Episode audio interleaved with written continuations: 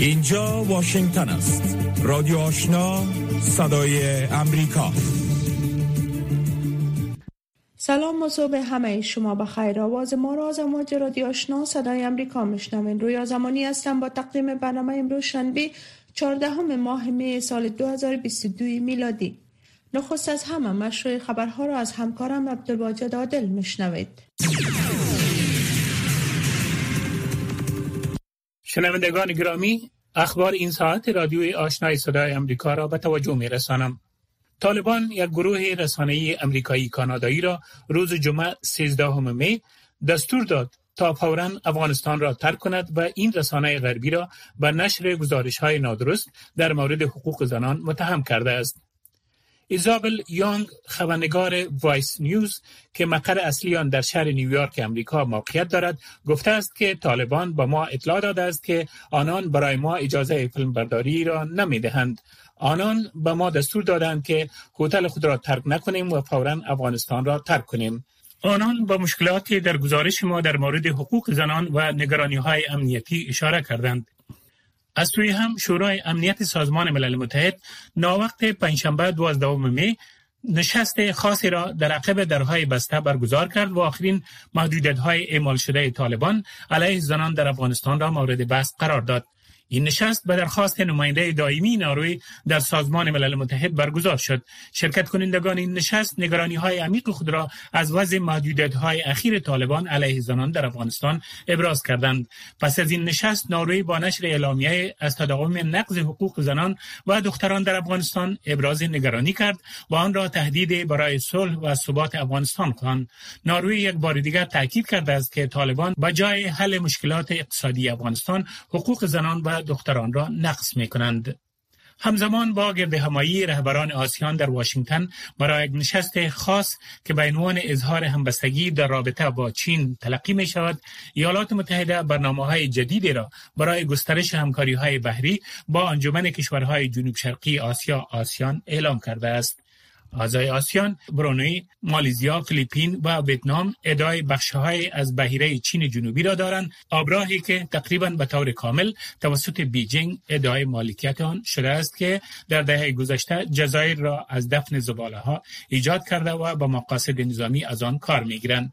ایالات متحده 60 میلیون دلار را در ابتکارات آبی منطقه‌ای جدید با کار می‌گیرد که شامل انتقال ها به کشورهای آسیای جنوب شرقی برای افزایش ظرفیت کشورهای ساحلی برای اجرای قوانین بحری و مقابله با ماهیگیری غیرقانونی گزارش نشده و غیر قانونی میگردد. یک مقام اداره رئیس جمهور بایدن گفت که واشنگتن از این کشورها نمی‌خواهد میان امریکا و چین یکی را انتخاب کنند بلکه می‌خواهد با تمامی آنان روابط قوی داشته باشد مسئول سیاست خارجی اتحادیه اروپا روز جمعه گفت که او معتقد است در جریان رایزنی های نماینده و و مقامات ایرانی در تهران در هفته جاری پیشرفت کافی برای اثرگیری مذاکرات هسته‌ای پس از دو ماه بنبست حاصل شده است. گفتگوها برای احیای توافق هسته‌ای سال 2015 ایران با قدرت‌های جهانی از ماه مارچ به این سو به حالت تعلیق درآمده است. عمدتا به دلیل اصرار تهران که واشنگتن سپاه پاسداران انقلاب اسلامی را از فهرست سازمانهای تروریستی حذف کند. در ایران اعتراضات نسبت به بحران اقتصادی و مشکلات معیشتی روز جمعه برای هشتمین روز پیاپی در شهرهای دست کم هفت ولایت ایران ادامه یافت.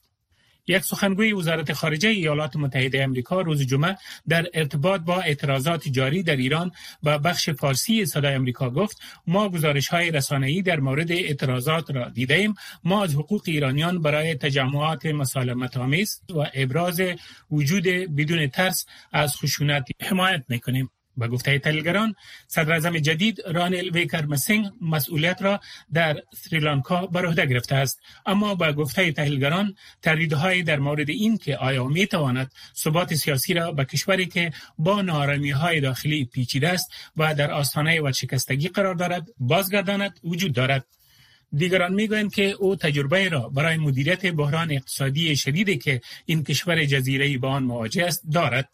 بیکر مسنگ پس از آن که ماهندا راجا پاکسا برادر بزرگ رئیس جمهور گوتاپایا راجا پاکسا اوایل این هفته در پی خشونت های مرگبار ناشی از حملات به معترضان ضد دولتی توسط حامیان وی از سمت صدارت کنارگیری کرد. به این سمت منصوب شد. پلیس آلمان روز جمعه 13 می اعلام کرد در حمله با چاقو به قطار در آلمان چندین نفر زخمی شدند. قطار در حالت حرکت به سمت شهر غربی آخون بود که این حادثه رخ داد. استفانی کوج سخنگوی پلیس محلی گفت یک افسر پلیس که اتفاقا در آنجا حضور داشت و با لباس غیر نظامی در حال سفر بود با چند مسافر مداخله کرد و توانست بر مهاجم غلبه کرده و او را دستگیر کند. پلیس در مورد شدت جراحات یا انگیزه حمله توضیح نداد اما گفت که مجروحان در شفاخانه محلی تحت مدوا هستند. مقامات اطلاعاتی بریتانیا روز جمعه گفتند که نیروهای اوکراینی نیروهای روسی را که در تلاش برای عبور از یک رودخانه مهم استراتژیک در شرق دونباس بودند عقب راندند. در حالی که درگیری وارد 79 مین روز خود شد. سرگی لاوروف وزیر خارجه روسیه روز جمعه گفت که به طور جدی در بیگناهی اوکراین در تلاش برای عضویت در اتحادیه اروپا تردید دارد. لاوروف گفت ماهیت بیزرر چین نیابت با توجه به این که اتحادیه اروپا از بستر اقتصادی سازنده ای که تصور می‌شد به یک بازیگر تهاجمی و ستیزجو با جاطلبی های بسیار فراتر از مرزهای قاره اروپا تبدیل شده است تردیدهای جدی ایجاد می کند دیپلمات ارشد روسیه در حاشیه نشست با همتایان کشورهای مستقل مشترک المنافع در دوشنبه گفت که همکارانش در رد اقدامات یک جانبه غرب با هدف از بین بردن روابط اقتصادی، تجارتی، لوجستیکی و حمل و نقل متحد هستند. تهاجم نظامی روسیه با اوکراین در صادرات محصولات زراعتی اخلال ایجاد کرده و سبب افزایش قیمت جهانی مواد غذایی شده است. هر دو کشور اوکراین و روسیه از تولید کنندگان و صادر کنندگان عمده محصولات زراعتی اساسی از جمله گندم و روغن گل آفتاب پرست است. لی کیچیانگ صدراعظم چین می‌گوید بازار کار پیله چین در حالت دشوار قرار دارد او در زمان چنین صحبت می‌کرد که چین سیاست تحمل صفر را دنبال می‌کند که به دلیل قرنطین منجر به رکود اقتصادی در سراسر کشور شده است بر اساس شاخص مدیران خرید کازین یک نهاد مورد اعتماد برای رشد اقتصادی تولید 430 شرکت صنعتی از 42.2 در ماه مارچ و 36.2 در اپریل کاهش یافت. پایان اخبار.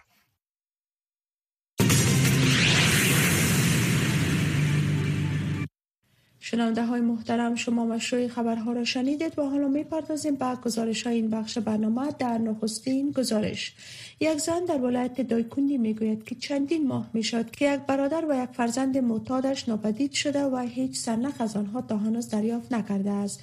ماجرای معتاد شدن فرزند و برادران این زن برمیگردد به زمانی که آنها برای تامین هزینه خانواده در ایران مهاجرت کردند. شر بیشتر این گزارش را از همکارم لطیف یعقوبی مشنوید پیرزنی که با چین و چروک صورت و چند تار سفیدی گیسویش که از کنج چادر بیرون زده شده به دنبال گم شدگانش می گردد. او از گاه تا بیگاه بیرون از منزلش در میان معتادان برادر و فرزندش را جستجو می کند. او می گوید مدت هاست که از آنها هیچ خبری نیست.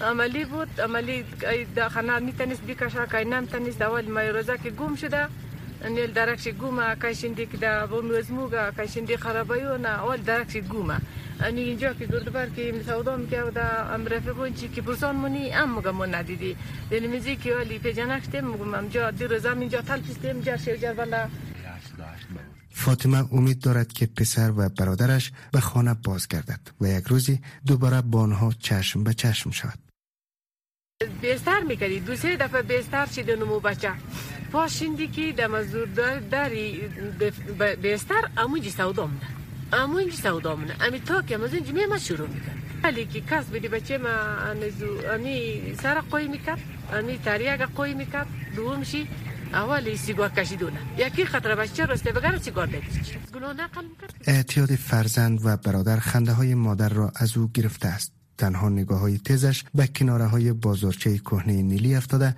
جایی که معتادین تجمع دارند تا سرنخ از برادر و فرزندش پیدا کند این جماعت انتراز که تو وقتی این مریض ها که منم که فقط دو مریضی کن عملی یفتی میگم نه عملی نیستم از عملی شد از این گناه فعالان فرهنگی در دویکندی علت روی آوردن جوانان و زنان به مواد مخدر را ناهنجاره های حاکم در جامعه دانسته و می‌گویند عدم آگاهی آنان از عواقب مصرف مواد مخدر سبب می شود تا مردان، زنان و کودکان به صورت ناخودآگاه به مصرف آن رو بیاورند. خب بعضی خانواده ها که یعنی آغشته به مواد مخدر میشه یعنی بسیار زیادش از فقر و بیکاری و بیچارگی است ولایت دایکندی دوازده ولسوالی دارد که در اکثر آن مواد مخدر همانند کوکنار و چرس به پیمانه زیاد کشت می شود. بر اساس آمار ارائه شده از سوی صحت این ولایت حدود هفتاد هزار معتاد در این ولایت وجود دارد. انتظار به پایان رسید. بینندگان و شنوندگان عزیز بعد از این می توانید برنامه های صدای امریکا را از طریق شبکه محوره جدید و بشنوید برنامه های تلویزیون آشنا سی دقیقه کاروان و برنامه های رادیو آشنا را می توانید در چنل 469 شبکه محوره یاست دنبال کنید.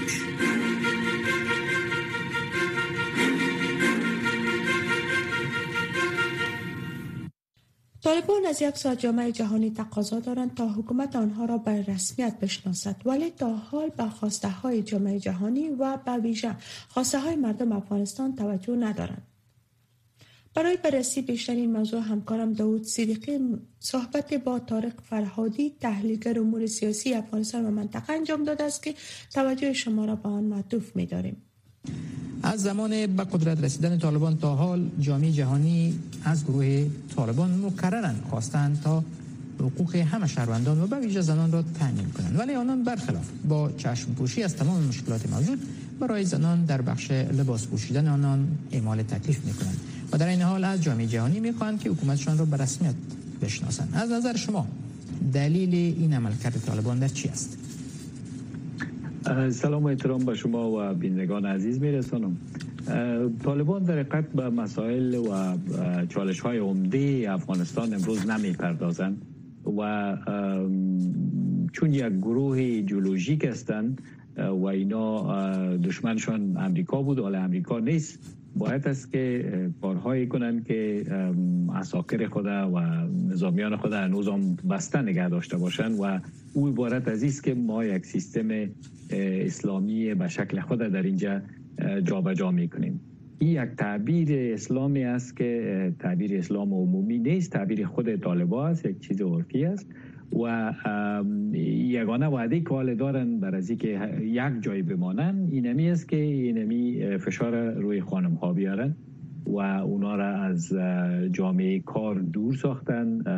جامعه محدودیت ها تعیین کردن و مکاتبشان بستن و در حقیقت تمام از این کارهایی که می‌کنن بله. میگن که یعنی ما امو وعده هایی که کرده بودیم بعد از خروج امریکا دو میشین نمیست بله. اما این خب با قیمت گذاف می‌تونه برشان تمام شوه.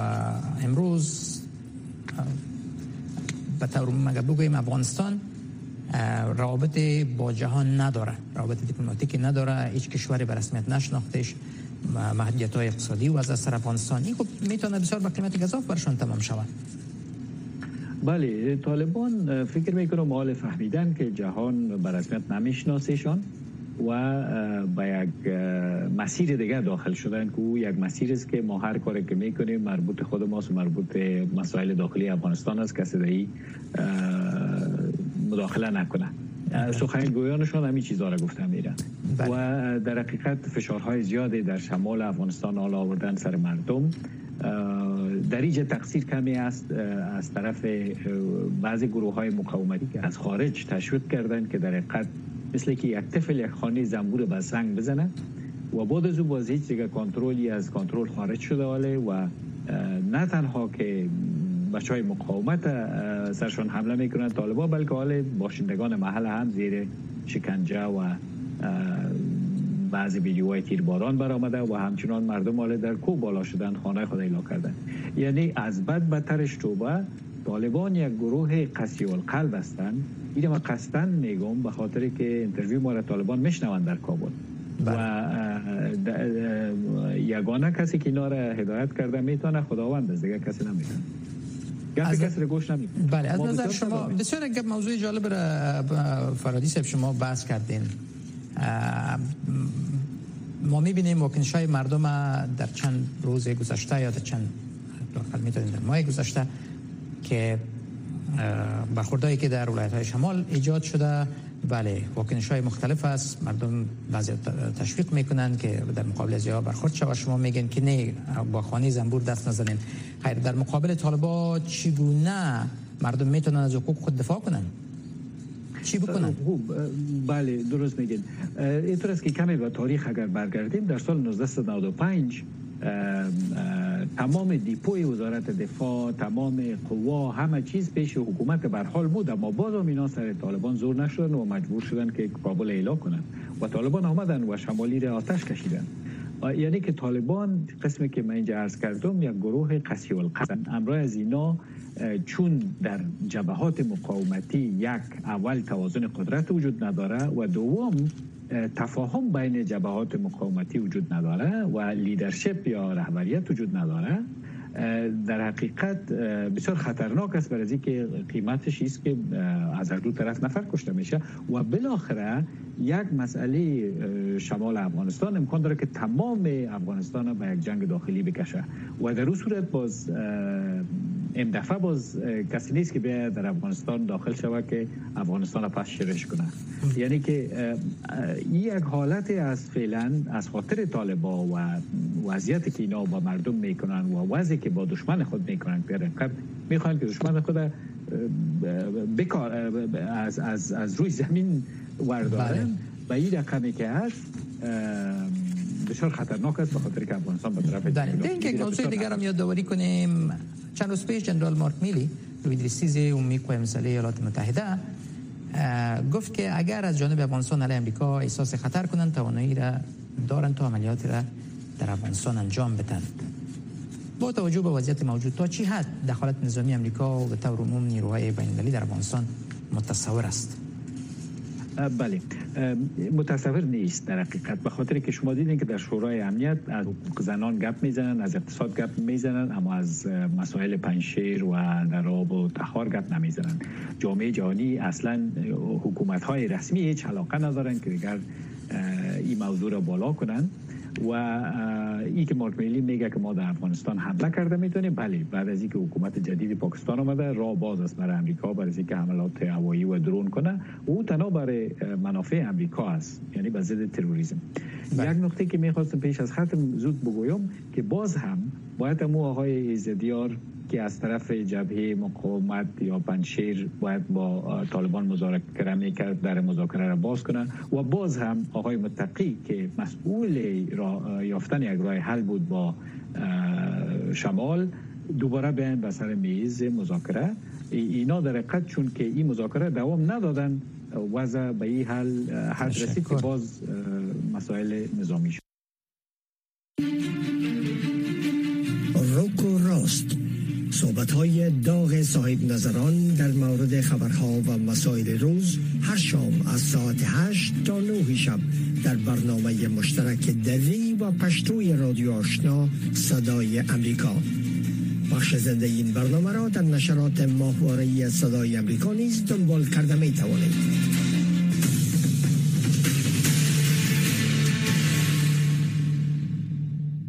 جو بایدن رئیس جمهور ایالات متحده در تلاش برای تقویت اتحاد و مقابله در برابر نفوذ چین در منطقه هند و اقیانوس آرام در قصر سفید در نشست ویژه دروزه ایالات متحده و کشورهای حوزه آسیا میزبان رهبران کشورهای جنوب شرق آسیا بود. در حالی که تجارت امنیت منطقه‌ای و اوکراین در آجندای این نشست قرار دارد فعالان از او می‌خواهند که به نگرانی های مربوط به حقوق بشر در منطقه و عقب نشینی دموکراتیک از جمله کودتای 2021 که میانمار رسیدگی کند. صدای امریکا در مورد گزارش دارد که تفصیل آن را سحر عظیمی به توجه شما میرساند. فعالان نگرانند که دولت بایدن با دعوت از رهبران جنوب شرق آسیا و قصر سفید پیام مدارا کردن با نقض حقوق بشر در کشورهای حوزه جنوب شرق آسیا را ارسال می کند از جمله رئیس دوره مجموعه اسین که هونسون صدر اعظم کمبودیا است که حکومت 37 ساله وی با فساد، سرکوب و خشونت همراه است. یکی از تصاویر ماندگار این اجلاس سران ایالات متحده و آسیان این خواهد بود که رئیس جمهور بایدن در کنار ناقضان حقوق بشر از آسیا ایستاده است. اکنون او می تواند با فراخانی این رهبران اهمیت نقص حقوق بشر در کمبودیا و جاهای دیگر مانند ویتنام را کاهش دهد. ما تا کنون چنین پیام بسیار واضح از قصر سفید ندیده ایم نه نفر از ده رئیس هیئت ایژن در زیافت شام قصر سفید عصر پنجشنبه و میزبانی رئیس جمهور جو بایدن شرکت کردند. و تعقیب درخواست سران کشورهای جنوب شرق آسیا از میانمار برای اعزام یک نماینده غیر سیاسی به این نشست. اردوی میانمار که حکومت دموکراتیک را در سال گذشته سرنگون کرد هیچ نماینده‌ای در این نشست نفرستاد. فرصت بسیار خوبی برای من برای دیدار با مقامات وزارت امور خارجه و رهبران ایالات متحده و البته رهبران آسیان دست داد. جلسات رسمی و غیر رسمی زیاد وجود دارد. بنابراین این یک فرصت بسیار خوب برای من است که در اینجا باشم. این نشست نشان دهنده موزلی است که بایدن با آن مواجه است. او به دنبال متعادل کردن تمرکز دولت خود بر حقوق بشر و دموکراسی است. از سوی دیگر منافع امریکا برای مقابله با نفوذ چین در منطقه اقیانوس هند و اقیانوس آرام را در نظر دارد و به دنبال ایجاد ائتلاف علیه تهاجم روسیه با اوکراین می باشد. تعدادی از شرکت کنندگان آسیان در مسئول خواندن روسیه به خاطر اقدام تهاجمی روسیه و حمله به اوکراین با ما هم نوا بودند و برای مشارکت و حمایت از تحریم ها و قطعا رهایت آنها شرکای مهم بودند. ساکی از گفتن این آیا در بیانیه پایانی اجلاس سران و روسیه اشاره خواهد شد یا نه خودداری کرد. رهبران آسیا نیز تا کنون در بیانیه خود در مورد اوکراین چیزی نگفتند. رهبران آسیان همچنین با یک گروه دو از قانونگذاران امریکایی دیدار کردند.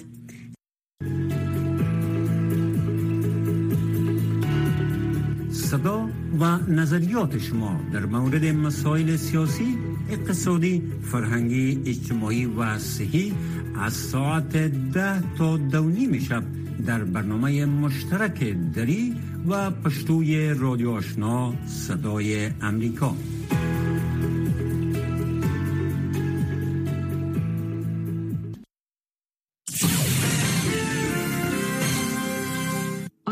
اکنون میشنوید تفسیری است که آمال و مفکوره های حکومت ایالات متحده امریکا را انعکاس می‌دهد. انتونی بلنکن وزیر خارجه ایالات متحده در گفتگو با خبرنگاران در مرکز مطبوعات خارجی در واشنگتن و مناسبت روز جهانی آزادی مطبوعات گفت مطبوعات پر جنب و جوش و مستقل سنگ بنای هر دموکراسی سالم است. این چیزی است که به شهروندان کمک می کند تا رویدادها را درک کنند رویدادهایی که زندگی آنها را شکل می دهد. این به مردم اجازه می دهد تا به طور معناداری در عوضه های سیاسی و مدنی جوامع خود ملت های خود و جهان مشارکت کنند متاسفانه آزادی مطبوعات با تعدیدات عمیق مواجه است از جنگ و درگیری از سوی دولت ها و بازیکنان غیر دولتی مانند سازمان های تروریستی و جنایتکار که به خبرنگاران حمله کرده و آنان را تعدید آزار و زندانی می کنند. وزیر خارجه بلنکن به خبرنگارانی که در هفته های اخیر در اوکراین کشته شدند و تعداد زیاد زخمی در جریان جنگ انتخابی پوتین اشاره کرد. وی همچنان از قتل خبرنگاران در برما و یمن حملات و بازداشت یا زندانی شدن خبرنگاران در روسیه جمهوری خلق چین و افغانستان یادآور شد. وی خاطرشان کرد که دولت ها در حال تکمیل اشکال سنتی سرکوب با شیوه های جدید هستند که هدف آن تضعیف آزادی مطبوعات از جمله کنترل اینترنت از طریق تعطیلی یا سانسور آشکار است. نظارت خودسرانه یا غیر قانونی و حق دستگاه ها و سیستم های خبرنگاران نیست شامل این شیوه هاست. وزیر خارجه بلینکن گفت که اکثریت قریب به اتفاق جنایات علیه خبرنگاران در سرتاسر سر جهان. بدون مجازات انجام می شود و پیام روشن به مجرمان ارسال می کند که می توانند بدون عواقب به هدف قرار دادن مطبوعات ادامه دهند. ایالات متحده به طرق مختلف با این سرکوب مقابله می کند. برای مثال برای خبرنگاران در معرض خطر در اوکراین ایالات متحده واسکت های ضد گلوله بسته کمک های اولیه و تلفن های ماهواره‌ای ارائه می کند. ایالات متحده همچنین یک مرکز مطبوعاتی در لوف ایجاد کرده و به خبرنگارانی که جنگ را پوشش می‌دهند کمک های استراری و حمایت روانی ارائه کرده است. علاوه بر این ایالات متحده همچنان به معرفی دوسیه های خبرنگاران در سراسر جهان که به دلیل کارشان هدف قرار می گیرند ادامه می دهد. ایالات متحده همچنین ایتلاف های گستردهتری از کشورها را برای افشای سرکوب و پیوستن به ایالات متحده در استفاده از تحریم های هدفمند علیه کسانی که آزادی مطبوعات را زیر پا می‌گذارند تشکیل می دهد. وزیر خارجه بلینکن گفت ایالات متحده سهم ایاتی در ترویج حق آزادی بیان از جمله مطبوعات آزاد در داخل و همچنین در سراسر جهان دارد. آقای بلینکن گفت جریان آزاد اطلاعات مفکوره ها نظرات از جمله عقاید مخالف برای جوامع فراگیر و بردبار ضروری است. آنچه را شنیدید تفسیر ای بود که آمال و مفکوره های حکومت ایالات متحده امریکا را منعکس می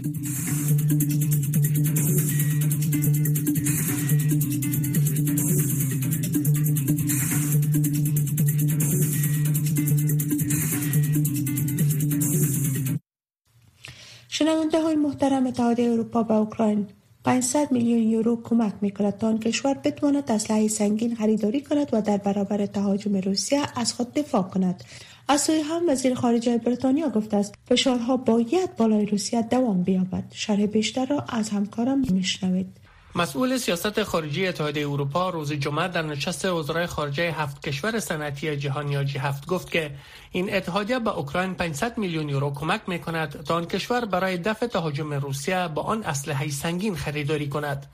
جوزف بورم مسئول سیاست خارجی اتحادیه اروپا همچنان افزود که او امیدوار است کشورهای عضو اتحادیه واردات تیل از روسیه را متوقف کنند ولی وی پذیرفت که شماری از کشورها از این کار حراس دارند. به شمول کمک های نظامی کمک اضافی به اوکراین من امروز اعلان خواهم کرد که اتحادیه اروپا یک قسط جدید 500 میلیون یورو را به خاطر کمک نظامی به اوکراین تسلیم خواهد کرد. آقای بورل افزود که این پول برای خریداری اسلحه سنگین به اوکراین داده می شود و با این مبلغ کمک مالی اتحادیه اروپا به اوکراین به دو میلیارد یورو افزایش خواهد یافت. نشست وزرای خارجه جی هفت در آلمان به هدف وارد کردن فشار بیشتر بالای روسیه از طریق وضع تحریمات دایر شده و نمایندگان کشورهای آلمان، بریتانیا، کانادا، فرانسه، ایتالیا، ژاپن و امریکا در آن شرکت کردند.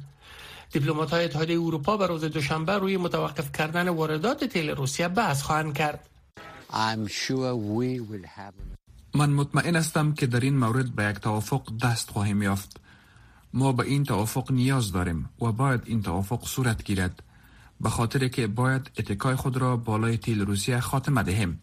این در حالی است که لستراس وزیر خارجه بریتانیا از جهانیان خواست که با اوکراین برای دفع تهاجم روسیه کمک کنند. خانم لستراس در نشست وزرای خارجه جی هفت یا هفت کشور صنعتی جهان به روز جمعه و خبرنگاران گفت که فشار باید بالای پوتین ادامه یابد. دیپلمات های کشورهای جی هفت در شمال آلمان در یک نشست سه روزه برای بحث روی مسائل چون جنگ در اوکراین، امنیت مواد خوراکی و انرژی، روابط با چین و تغییرات اقلیم گرد هم آمدند. euh, با همتای اوکراینی خود دمیترو کولیبا دیدار کردم تا بار دیگر حمایت فرانسه را از جنگ و دفاع قهرمانانه آنان در برابر تهاجم روسیه به مردم اوکراین ابراز کنم. وزرای خارجه اوکراین، مالدیو و اندونزیا نیز در این نشست دعوت شدند.